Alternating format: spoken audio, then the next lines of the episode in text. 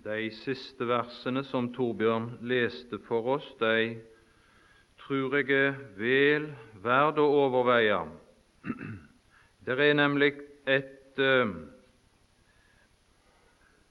et sted hvor eh, vårt hjerte med, med sine lengsler og sitt attrå må suge til seg noe for at det skal oppstå i oss en evne til å gå inn i disse ting. I Efeserbrevet så er Kristus fra det første kapittel framstilt som den Guds salvede, som Han skal legge alle ting i hendene på, og alt, både i himmel og på jord, skal, skal underlegges denne Guds Kristus. Det er Han som må få litt rom i våre hjerter. I, i, i det lys, i den storhet som tilkommer Han med rette, og som Gud skal gi Han. Så dere, hvis Han får, hvis denne Kristus får bo ved troen i eders hjerter, så dere, ut av det følger det noe. Rotfestet og grunnfestet i kjærlighet, det er det elementet vil, vil oppholde seg i om Han får sin plass. For det er det som strømmer ut fra Han. Han er liksom sentrum i det lykksalighetens univers som Gud skal etablere i Kristi hender. Og, om det får en del sin rette plass hos oss, da står det 'må være i stand til'. Det istandsetter oss. Ja, det, det, det, er sant som vi sang. Det er kun dråper av denne kilde som jeg og du har tatt til oss. I alle fall er det sant for meg. Men jeg er i alle fall lykkelig over at jeg har begynt å lodde og, og, og kjenne storheten av disse dimensjoner. Jeg kan ikke disse ting. Jeg mestrer ikke disse ting. Og jeg er glad for jeg leser ikke denne bok for at ja, dette forstår jeg. Jeg kan liksom bla videre. Jeg er glad for at jeg kan komme til denne bok for å lære og lytte som disipler lytter. For her er det storhet. Her er det dimensjoner. Må være i stand til å fatte med alle de hellige. Hva bredde? Ikke at du kan utsi bredden her, men, men men disse dimensjoner var bredde og lengde og dybde og høyde der er Og jeg tror han taler her i dette vers om den husholdning som han har talt om i, i, i dette kapittelet, opplyser alle om hvorledes husholdningen er. I den er det en samling av disse dimensjoner. Jeg skal ikke si noe mer akkurat om det, men det, det var god, et godt ord å, å, bli minnet om når vi bare tar og søker i, i, i vår svakhet og, og nærmer oss noen av disse tingene. La oss nærme oss de i lys av denne overveldende storhet som her er, og i dette, dette jordsmonn søke evne til å fatte. Vi kom, når vi leste i går, fram til Matteus 24, og, og det er iallfall jeg søkte å komme fram til med det jeg søkte å lese der, det var dette at det kom en underlig tid som ikke Det gamle testamentet kjente til, inn imellom den 69. etter de 69 uker var til veis ende, og den 70. Så kommer det en ukjent periode. Vi kunne lest fra Daniel 9, men det, det vil jeg ikke, for det tar så lang tid. Men du kan jo lese det sjøl der. Etter den 69. er avslutta, så følger det en periode, og det er åpenbart, både av det Daniel sier, og ikke minst det det nye testamentet klart sier at den 70. uke den er ikke kom tendes ennå. Den er fremdeles utsatt til, til et visst tidspunkt i framtiden, når den skal begynnes, og den skal komme til sin ende. Men da når vi leste i Matteus 24, så fant vi at rett før menneskesønnen åpenbarer seg i megen kraft og herlighet, så er det jødiske troende som vender seg til en jordisk helligdom, som har et jordisk håp om utfrielse ved Messias komme, og altså har et håp forskjellig fra det som Det nye testamentet gir oss i denne tid å ha, og som vi skal lese mer utførlig om i, i morgen. I tillegg til det så,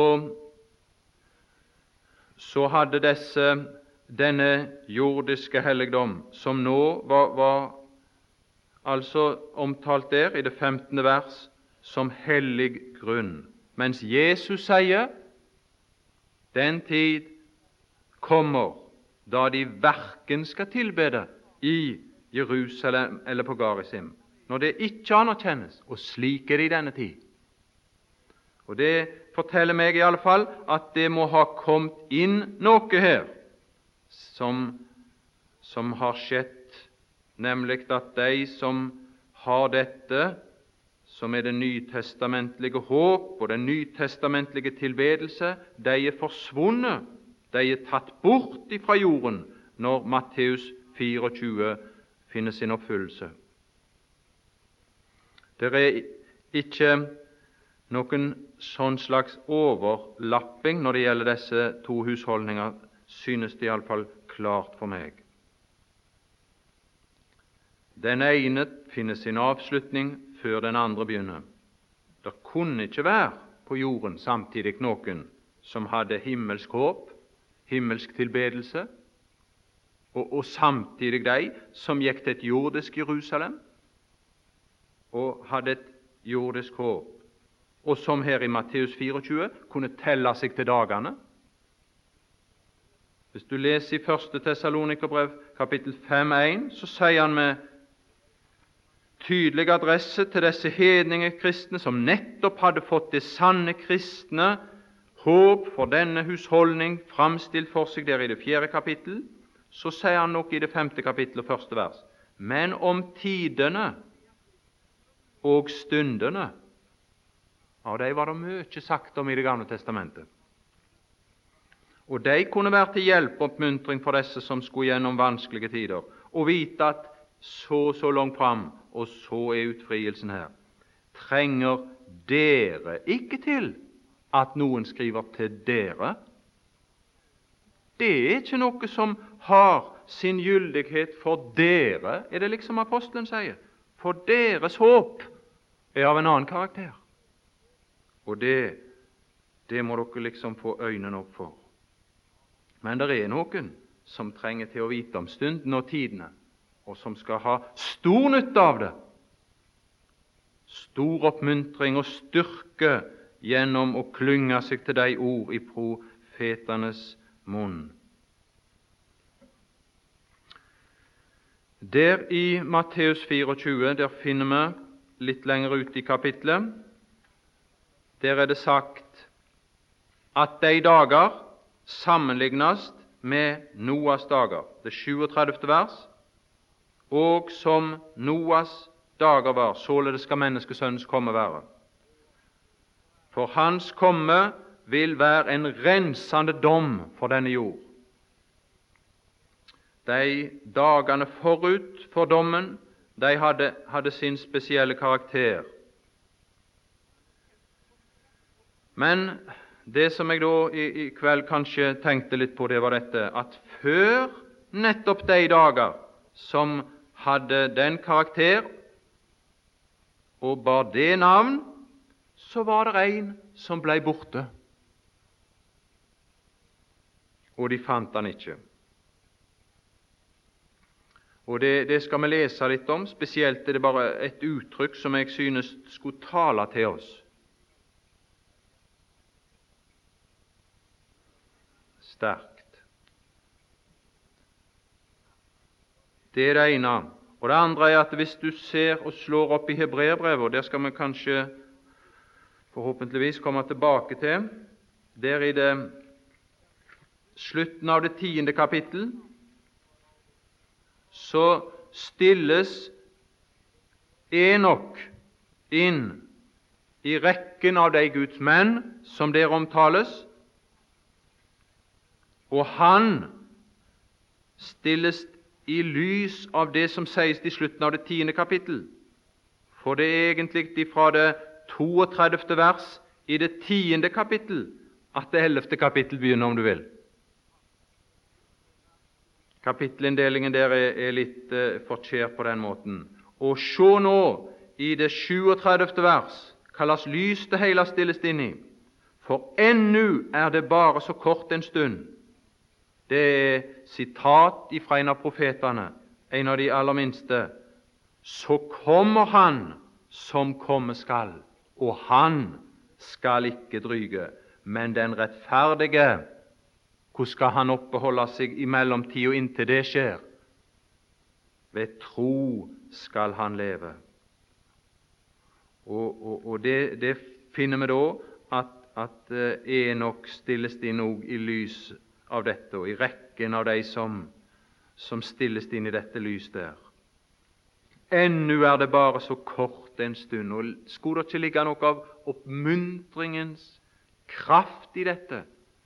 i disse som, som begynte å, å, kjenne det litt hårdt på kroppen, vanskelighetene som tårner opp. Vi får lese litt der i Første Mosebok og finne det uttrykket som jeg har litt tanke for å si noe om. Det femte kapittelet der i Første Mosebok det er egentlig det fjerde og det femte kapittel. De står der samla og avgir et samla vitnesbyrd på en måte. Vi har i det fjerde kapittel Kain og hans slekt. I det femte kapittel har vi Sett og Adams ett igjennom Sett. Det er et underlig kapittel fra vers 1 og nedover. Det har blitt meg fortalt at enkelte ved å lese det kapittel har blitt omvendt til Gud.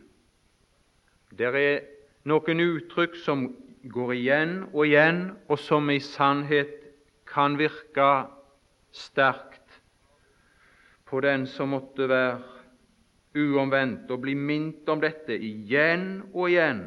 Så døde han så døde han. Han, han levde han levde så og så mange dager, osv. Så, videre. så døde han.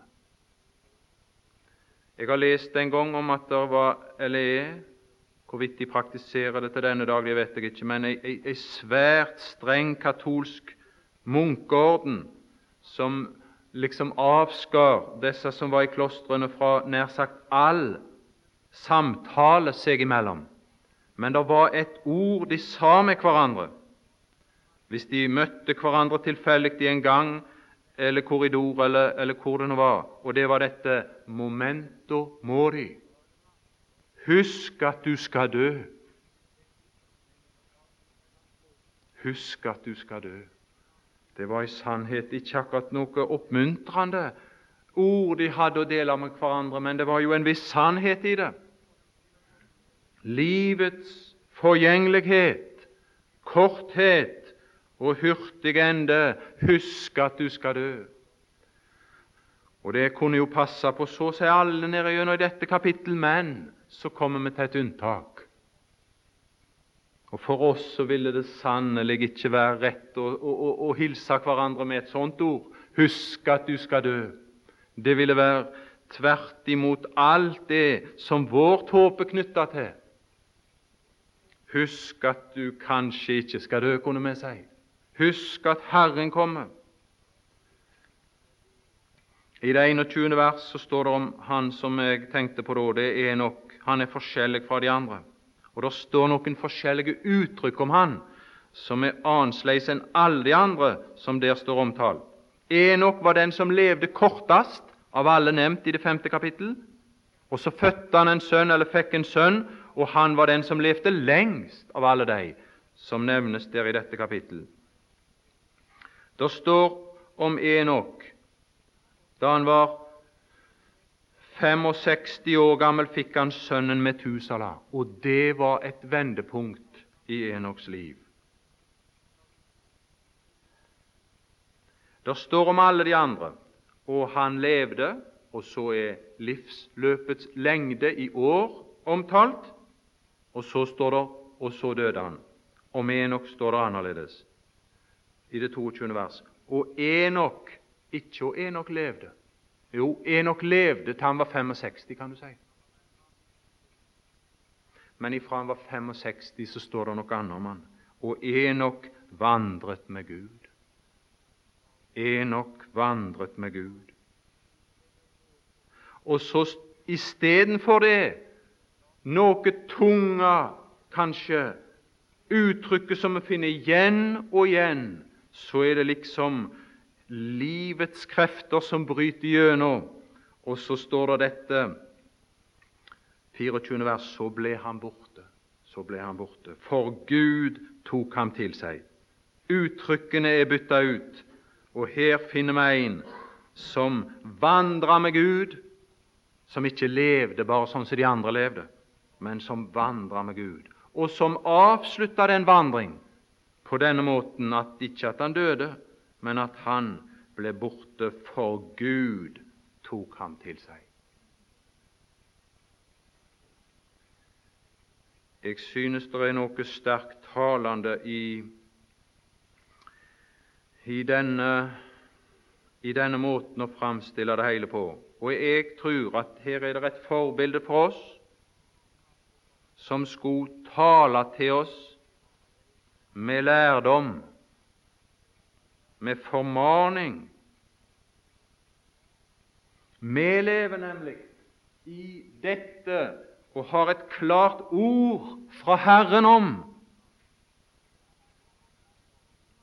at Han skal snart stige ned for å, for å ta sine der han sjøl nå befinner seg, i det livets område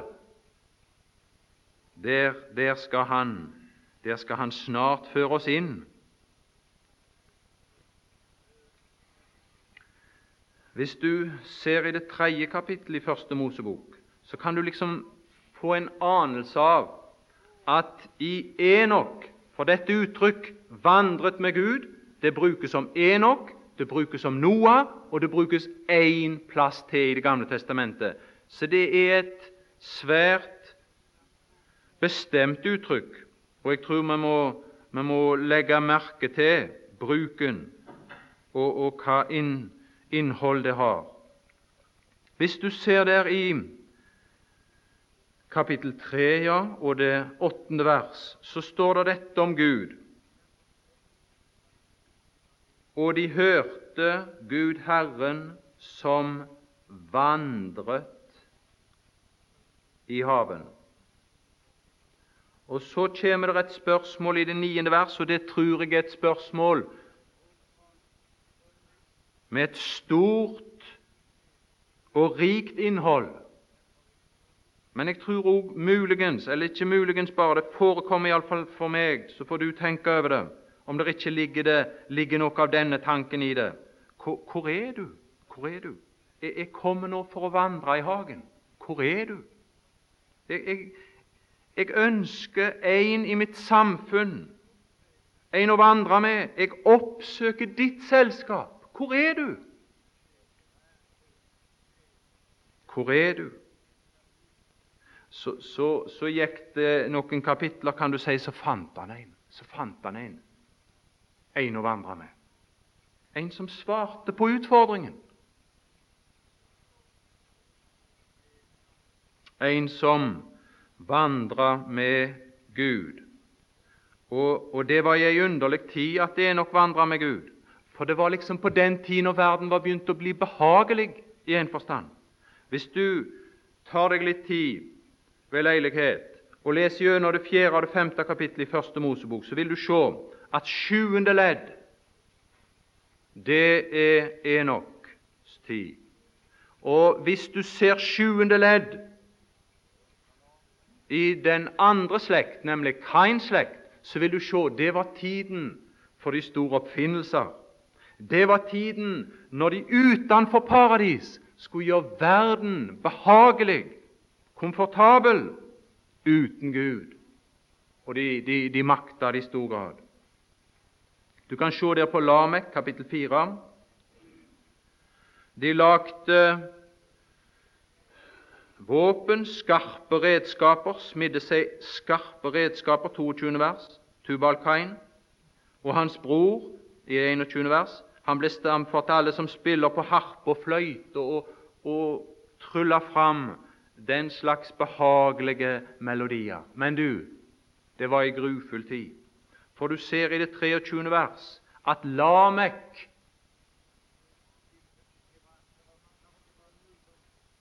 Han lagde en sang, en avskyelig sang. Det sies at det 23. vers og det 24. vers, som, som der er, er, er sangen, det, det, er skrevet i poesi. Det er noe av det første i Det gamle testamentet som er skrevet i poesi. Så du kan si at Tubalkain gav han våpen i hånd, og hans bror Jubal gav han musikk til, så det skulle lyde behagelig, dette her. Og så var det en sverdsang, en mordsang. Det starta med et mord. Det var det verste Kain gjorde. Det, det, var ikke, det var ikke at han morda bror sin, men det var det offeret han brakte. Men det kunne ikke enda i annet enn mord, og kapittelet enda i en mordsang, der de tar til og med Guds ord på sine lepper. Forhevnes Kain syv ganger, og så forvrenger de det i en, i en hån imot den levende Gud og hans styre. Her var et fullt og helt opprør. Det var ikke de beste tider for Enok å leve i denne verden. Men Enok levde ikke bare fra han var 65. Hva det var som gjorde forandringen i Enoks liv, det vet jeg ikke. Men fra han var 65, så var det karakteriserende for han livet ut her. Enok vandret med Gud i 300 år. Det kan tenkes at han opplevde at de forfulgte han bortimot. Hvis du leser nå i Judas brev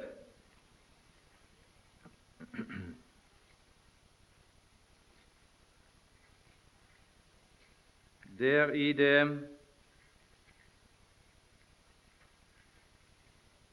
fjortende vers, og der står det Disse var det også Enok, den syvende fra Adam. Du ser her var en periode nådd til veis ende. Og det kommer en snart en periode der perioden er slutt. Det fulle tallet nådd. Spådom ja, han profeterte, han. For han vandra i Guds samfunn. Og, og du, kan, du, kan, sikkert anvende de ord som senere Herren sa når han, når han, omtalte Abraham. Skulle jeg vel dølge for Abraham? Jeg vil ikke holde dette for meg sjøl. Jeg har jo en som er interessert i mine ting. Jeg kan ikke dølge det for Abraham. Men han hadde funnet en tidligere òg Gud å vandre med. En som var interessert i Guds ting og lærte Guds sinn og tanker å kjenne og Derfor så kunne han profetere. Og hør, det er den første direkte profeti i Det gamle testamentet om Kristi annet komme. Det kom ifra Enok. Det kom ifra Enoks munn. Han forkynner enden ifra begynnelsen. Det er karakteriserende for Guds måte å tale på det. Se, Herren kommer. For en styrke det må ha vært for Enok. kanskje var disse våpen som de sang om, disse andre, de, de, de skulle de kanskje bruke på han.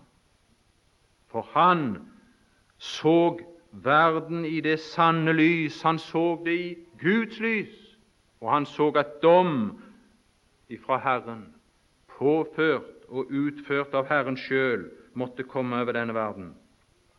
Se, Herren kommer med sine mange tusen hellige. Tror du ikke det var en oppmuntring for ham? Det kan jo synes av Det gamle testamentets beretning at han vandra nokså alene, men her så han noen. For å holde dom over alle og refse alle de ugudelige, for alle de ugudelige. Her var ugudelighet. Se, det er vel ikke et vers i Bibelen der det finnes dette ord i ett og samme vers så mange ganger. Tre ganger. Alle de ugudelige, for alle de ugudelige gjerninger som de gjorde, for alle de hårde ord. Tror du ikke Enok hørte hårde ord i sin tid? Som de talte mot ham, og Enok vandret med ham. Så du må nærmest forutsette at de lot det gå utover han, de ugudelige syndere. Og lærdommen for oss er at dette her drukna ikke i vannflommen. Hvorfor tror du det står i Judas brev? Det står i Judas brev som en hjelp og oppmuntring for oss. Det er en del av Hebreerbrevet 11 som jeg bare vil referere til. Det, det, våger jeg ikke å si så med sikkerhet, men du kan iallfall tenke, tenke på det. Kanskje var det det at de var på jakt etter ham for å slå ham i hjel. For det står jo dette Se dere i Hebreerbrevet 11,4. Hvordan er det 11,4 slutter? Ved den taler han, altså Abel, ennu etter sin død. Hva død var det han død? Var det ikke en martyrdød? Var det ikke for sannheten han død? Og så, og så kommer neste vers. Ved tro ble Enok bortrykket, så han ikke skulle se døden. Og han ble ikke funnet. Det er som om du har en anelse her. De var på leit etter han. De skulle innhente han. Men han ble ikke funnet fordi Gud hadde bortrykket ham.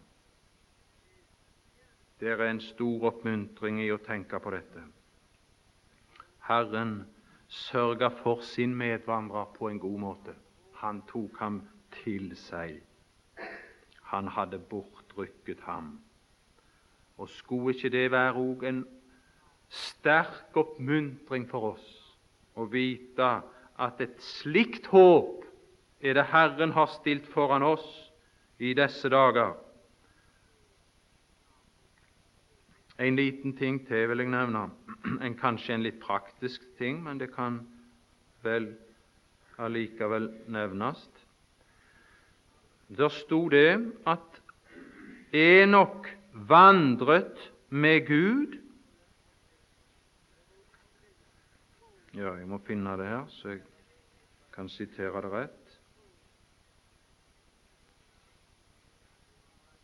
Og han fikk sønner og døtre. Enok var en gift mann.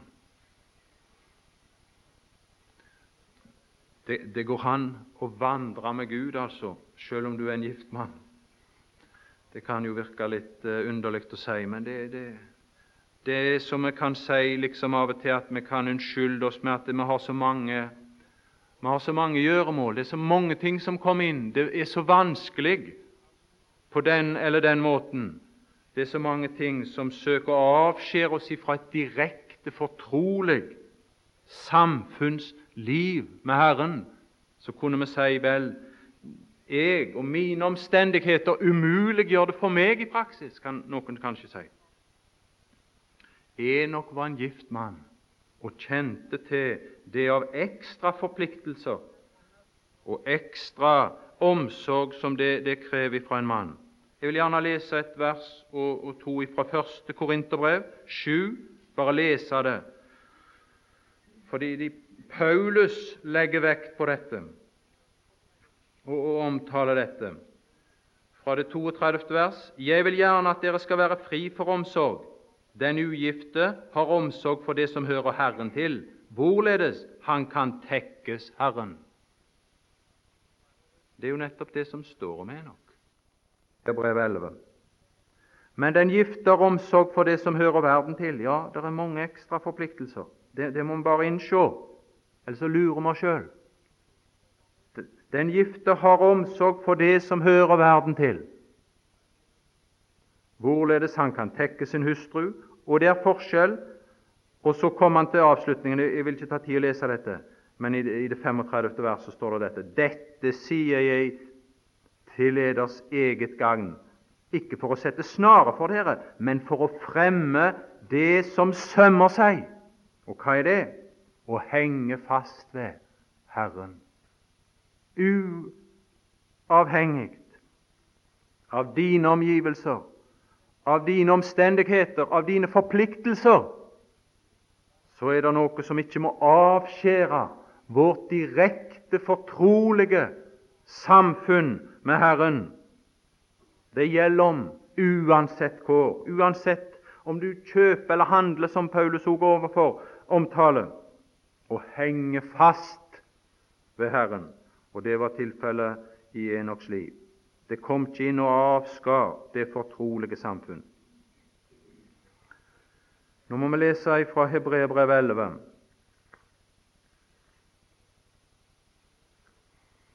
Der står det noe som jeg eh, gjerne vil understreke. Og det er altså Hebreabrevet 11, 5. Og det som står der, det forteller oss med litt andre ord hva det ligger i dette uttrykk at Enok vandret med Gud. Jeg leser det femte vers. Ved tro ble Enok bortrykket, så han ikke skulle se døden, og han ble ikke funnet, fordi Gud hadde bortrykket ham. For før han ble bortrykket, fikk han det vitnesbyrd at han tektes Gud. Når Det gamle testamentet ble oversatt til gresk, i den oversettelse som kalles Septuaginta, så oversatte de det uttrykket på, hebreisk, på, på hebraisk at Enok vandret med Gud. De oversatte det med dette som vi finner her, nemlig han tektes, står det her, egentlig behag. Han behaget Gud, eller var til behag for Gud. Og Med det må vi forstå at apostelen som skriver hebreerbrevet, har godkjent, om du vil, den tolkning Så i dette uttrykk Enok vandret med Gud, ligger der dette som det her er tatt ifra, direkte fra den greske oversettelsen. Han var til behag for Gud. Han var til behag for Gud ved at han vandret med Gud. For Gud søkte hans samfunn, og Enok fratok ikke Gud den mulighet i sitt liv etter han var 65 år.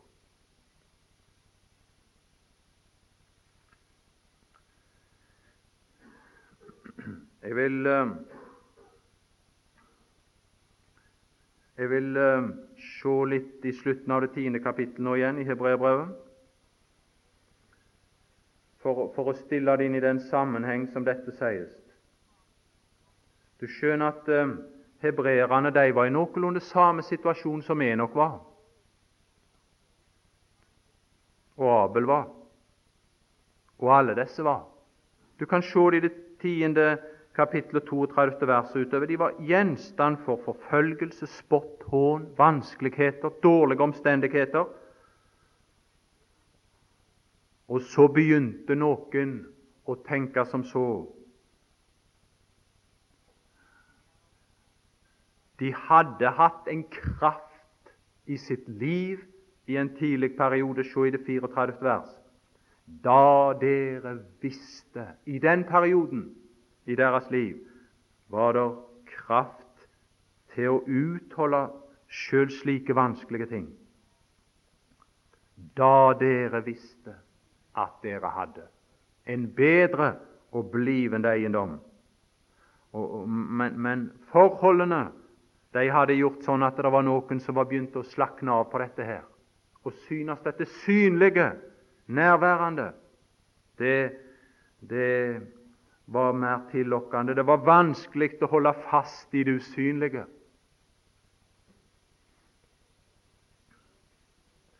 Så fører apostelen inn et sitat fra en av profetene, og der kjernen i det som siteres, er det 38. vers. Etter at det er stilt i lys av Kristi komme i det 37. Men den rettferdige ved tro skal han leve. Det er sånt han skal leve. Det ytre taler alt imot det som vi holder på med. Her samles de noen få forfulgt, mens litt lenger borte så hadde de tempel og ytre ting og stas og det som tiltalte kjødet, og i religiøs sammenheng. Ved tro skal han leve, og, og, du ser det forklart litt i det, begynnelsen av det ellevte kapittel. Det vil si å forankre seg i den usynlige verden. Men det er ikke lett. Og da står det ved tro skal han leve. Og så kommer det og dersom han unndrager seg. Han, hvem han? Den rettferdige. Det stilles ikke spørsmål med om han fremdeles er det. Nei, nei. Det stilles ikke spørsmål om han fremdeles er det, men han unndrar seg å vandre med Gud sånn som Enok gjorde. Han unndrar seg det behag som Herren fant å ha Enok i sitt selskap. For hva står det? Og dersom han unndrager seg, har min sjel ikke lyst til ham, står det i den oversettelsen. Men jeg tror i den andre som enkelte av dere har, der står det det som burde stå. For det er det samme ordet som står i kapittel 11 og vers 5, nemlig har min sjel ikke behag i ham. Så vi må ikke undre oss. Han ønsker, han har behag i om du vandrer med han her i denne tid, inntil det herlige håp oppfylles. Men du, du, noen var begynt å undre seg, de var begynt å bli lei av å vandre på den måten, i det å ha bare det usynlige for øye, og bare vandre ved tro, og ikke ha det synlige for seg. Og så trekte de seg unna fra dette, trekte seg tilbake fra dette. De var fremdeles rettferdige. Og det er det første vi finner i det ellevte kapittel, at det grunnlag reises det ingen tvil om. I Abels offer så er det nettopp dette som er det store spørsmål. Han fikk vitnesbyrd at han var rettferdig fordi Gud vitnet om Abel at han var en så bra kar. Nei da. Verken før eller etter i det Gud vitnet om hans gaver. Det var offeret. Det var det bedre offer som var grunnlaget for at han var rettferdig og fikk vitnesbyrd fra Gud om det. Men så kommer det neste. Da finner vi en, en som ikke unndrog seg når Herren kom med sitt ropende ønske 'Hvor er du?' Kunne du ikke være med meg? Jeg har sånn ønske om å ha deg i mitt samfunn. Og så fant han Enok og så fant Enok på den måten behag ifra Herren. På den måten.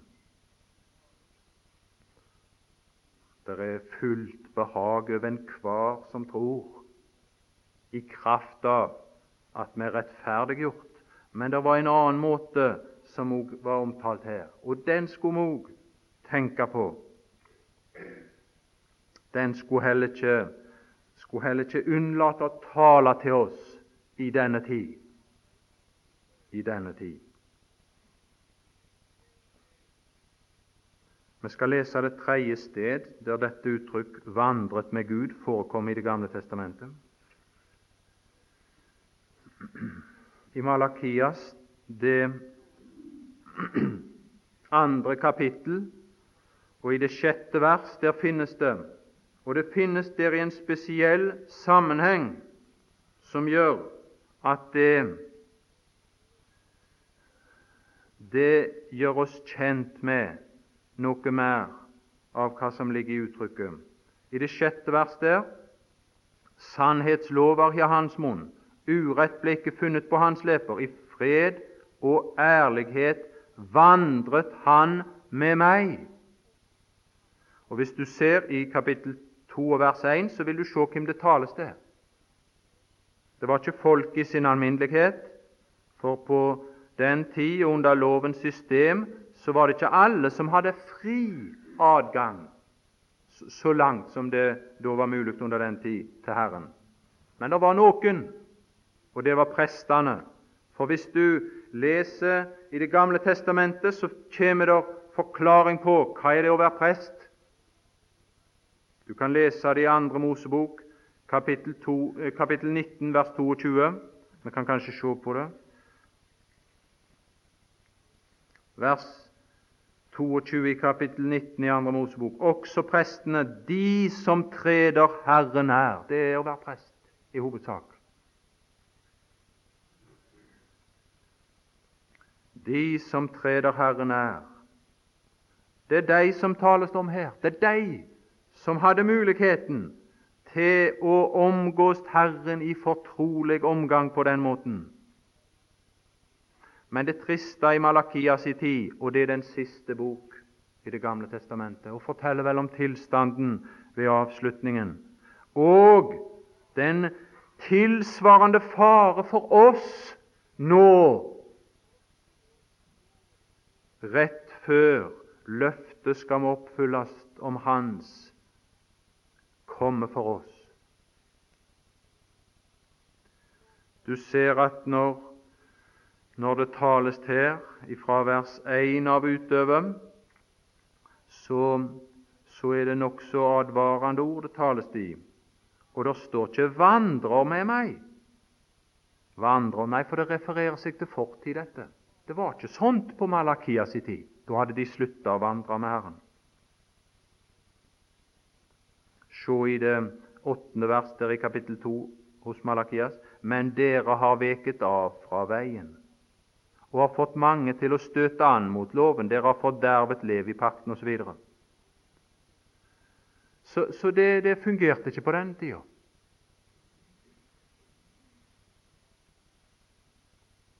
De fungerte ikke som prester. Hvordan er det med oss i dag? Fungerer vi som prester? Trer vi Herren nær i vårt praktiske, daglige liv? Har dette håp en slik innflytelse og kraft i vårt liv at det fremmer den omgang med Han for den enkelte av oss. Se hva det står der i, i kapittel 2, Malakias kapittel 2, vers 2. Dersom dere ikke vil høre og ikke legge dere det på hjertet, det som han hadde talt om fra kapittel 1 og vers 6 utover, så dere gir mitt navn ære. Det var en forutsetning. Det gjorde de ikke. Det gjorde de ikke på Malakias tid. Du kan se hvordan de vanærer hans navn, men de skjønte ikke at de gjorde det. Hvor med har vi vanæret ditt navn, sier de ham, når han sier det til dem. Nei, de, de skjønte det ikke. Men han må få altså sin plass om dette skal kunne fungere på den rette måten. Jeg tror at det som hadde brakt inn den tilstand vi finner i Malakias, og som skulle være til en advarsel for oss, for vi kjenner disse krefter virksomme vi ser det ikke bare i andre, vi kjenner de virksomme i vårt liv.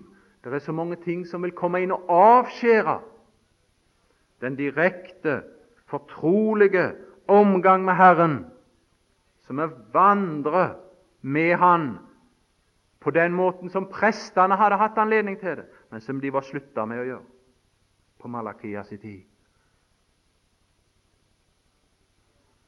Og er det, er det ikke et advarende ord der i åpenbaringen når Herren står utenfor? Han hadde så gjerne lyst til dette samfunn utenfor å banke. Det, det er en alvorlig tanke. Nå, nå, skal jeg snart slutte av, men jeg må få si litt fra Nehemias bok, for der tror jeg årsaken til noe av dette at de ikke vandra. Og som skulle, når det var kjent for oss, så kunne vi ha lærdom av det til å fortsette å vandre sånn som Enok gjorde. Hvis, hvis du ser der i, i kapittel 12 i boka til Nehemias, så kommer det liksom en oppsummering av eh, den gjerning som den gode Guds mann Nehemias hadde gjort, og hva resultatene medførte. Jeg leser litt nedover fra det 44. vers i kapittel 12. Samme dag ble det innsatt menn som skulle ha tilsyn med forrådskamrene for de hellige gaver, førstegrøden og tiende. Der skulle de, sam, der de skulle de samle fra bymarkene det som etter loven tilkom prestene og levitene. For det var glede i Juda over at prestene og levitene nå utførte sin tjeneste. Ja, Det hadde vært resultatet av Nehemias virksomhet. Nå utførte de sin tjeneste. Og vi så i profeten Malakias at det som var det særpregede med presten, det var at han vandret med meg. Tilfredsstilte Herren på den måten. Og nå fungerte dette. Se i det 45. vers og de ivaretok. Og Litt lenger ned i verset så står det like så varetok sangerne og dørvokterne sin tjeneste. Skal ikke nevne mer. Men så står det i det 13. kapittel samme dag ble det lest opp folk, for folket av Moseboken. Og der fant de skrevet at ingen ammonitt eller moabitt noensinne skulle være med i Guds menighet, fordi de ikke og så videre. og så refereres det til den tid ved, ved Bileam. Når Bileam forførte folket og som Det nye testamentet tar opp og taler med styrke til oss i vår profetiske bok, Johannes' åpenbaring, og sier at det var Biliams lære var kommet inn i noen menigheter der. Og det var en alvorlig ting. Og du kan lese det sjøl. Da Og det er det sterk sammenheng mellom. Når Biliams lære kom inn, når fienden kom inn, så kom òg nikoalittenes lære. Og Nå skal ikke jeg utlegge det, men, men det tror jeg vi kan si med helt sikkerhet. Det betyr geistlighet av en eller annen sort kom opp. Geistlighet. Og hva er geistlighet? Jo, det er det at det vanlige, som de kaller det, lekfolket, som det blir omtalt, fratas plassen til direkte å gå inn sjøl. Og det er en alvorlig ting. Og var det ikke det som òg skjedde her?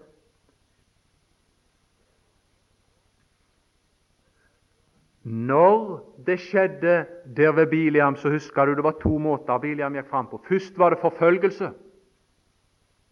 Først var det direkte motstand. Og så var det list, og han lykkes best med det siste. Han lykkes i en forferdelig grad med det siste. Og kjenner du ikke for din egen del, i ditt omgangsliv med Herren, kraften i disse forførende krefter som omgir oss, og som tar tak i oss, og som medfører det at du ikke fungerer som prest lenger. Du trer ikke nær. Du vandrer ikke med Gud i det praktiske, daglige omgangsliv.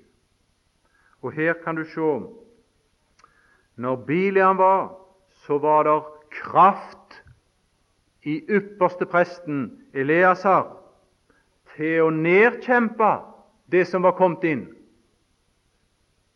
Du husker det i 4. Mosebok 25, men her var det litt annerledes. Se nå.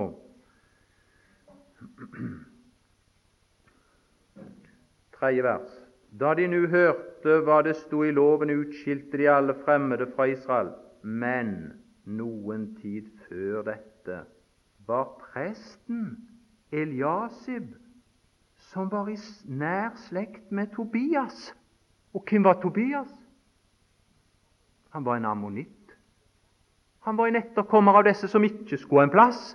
Og nå hadde de innreda Nå var, nå var ypperste presten kommet i slekt med han. Står ikke 'gå nær' eller på hvilken måte, men du skal se flere ting følger på.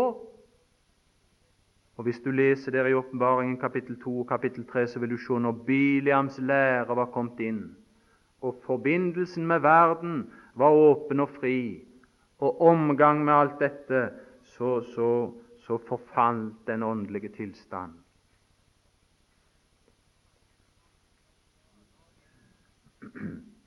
Eliasib han var satt med tilsyn med kammeren i Guds hus. Og Se, da i det femte vers. Da, har det nådd et klimaks. Og han hadde innredet et stort kammer for ham, for fienden. Du kan lese før om dine Nehemias bok. Den mest svorne fienden hadde fått innredet et kammer. Og Hvis du ser ned i det niende vers, så synes det som om de må ha brøtet ned noen vegger for å lage det litt stort òg, dette kammer. For han var jo en gjeve mann, denne Tobias, skjønt han var Guds fiende. Se der i det niende vers. Og bød at det var etterpå altså, at de skulle rense kammerne. kammerne. Det ser ut for at de hadde slått flere i sammen for å lage et stort og gjevt rom for denne mannen. Ja vel. Men hva rom var det de hadde innreda? Se der i det femte vers. Og han, altså han som før var med og bygde på muren i det tredje kapittel i Nehemias, han er nå en som aktivt tar del for å gi fienden rom. Og hva er det da han fratar prestene? Og da han hadde innredet et stort kammer for ham der hvor de før hadde lagt matofferet, hvem sitt føde var det? Virakken og karen og den tiende av kornet, mosten og oljen, som var levittenes og sangernes og dørvokternes rettigheter. Og den hellige avgift til prestene. Ser du det? Når fienden fikk rom, så opphører prestens tjeneste, for han får ikke næring, presten, og heller ikke sangerne og de som skal utføre tjenesten.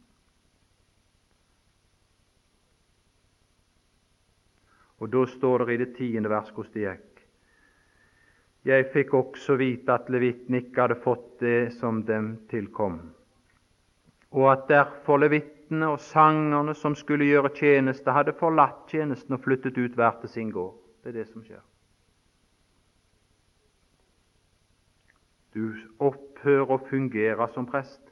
Det er én ting at du er prest, for det er halve Guds folk. Men så kan det komme noe inn sånn som av denne slag, som er sånn at den vanlige troende mann og kvinne opphører å fungere som prest for da må du ha prestelig mat. Men her ser du når fienden får rom, så må det vekk, for han skulle jo ha en plass der som de til vanlig oppbevarte det som var prestens føde. Men det her var det en god gudsmann. Nå, nå går jeg over tida, jeg er klar over det, men jeg skal snart slutte. Se der i det sjuende vers. Når dette skjedde, og grunnen til at det skjedde, det var at denne Guds mann var fraværende. Og da liksom kom det rennende inn alt dette som han, når han var nærværende, hadde stått imot og dem opp imot. Men når han, denne Guds mann Hemias, var borte ei stund, så, så kom det flommende inn. Og så er det sjuende vers. Og da jeg så kom til Jerusalem igjen, altså, la jeg merke til det onde Eliasib hadde gjort for Tobias skyld ved å innrede et kammer for ham i forgårdene til Guds hus. Dette syntes jeg meget ille om. Det var ikke alle som syntes det. Det var det ikke. Det står ikke noe om det. De hadde opphørt å fungere som prester. De kjente ikke Herren sin, for de vandra ikke med Han. Og så syntes de ikke det var ille, som var ille.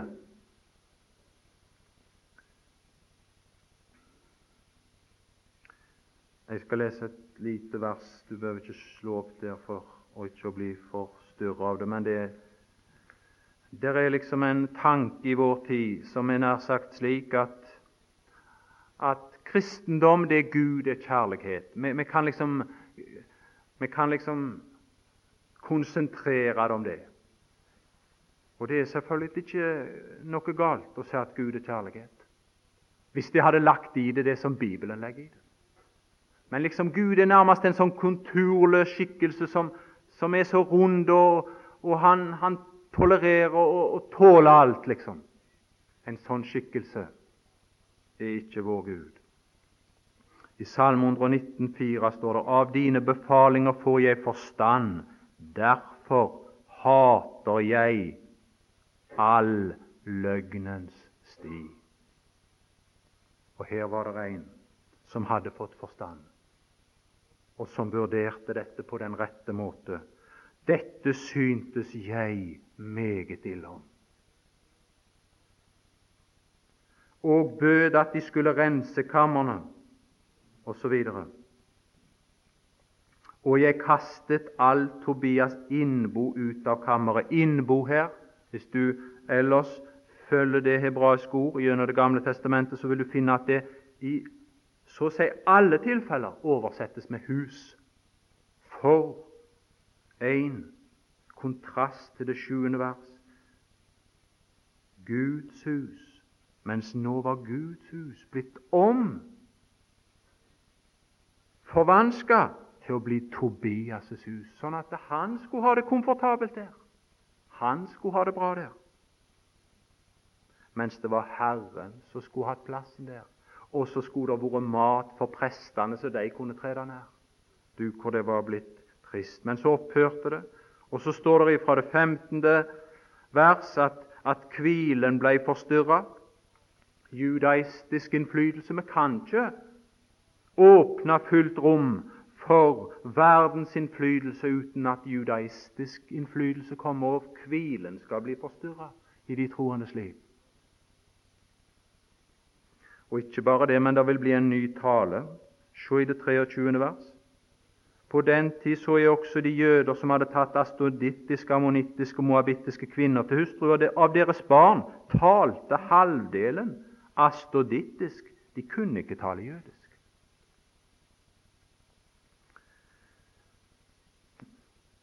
Eller et av de andre folks tungemål. Det er klart det Når Tobias hadde fått en plass der inne, så ble det, ble det en annen tale.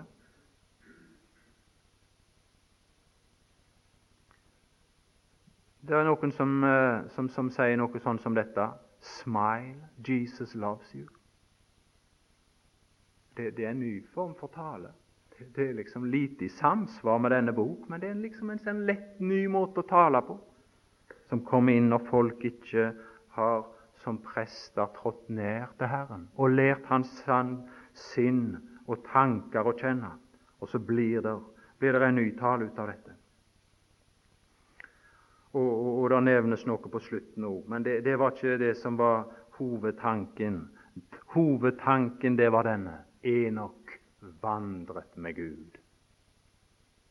Han vandra i et sånn fortrolig samfunn, og han levde med Herren på den måten i 300 år.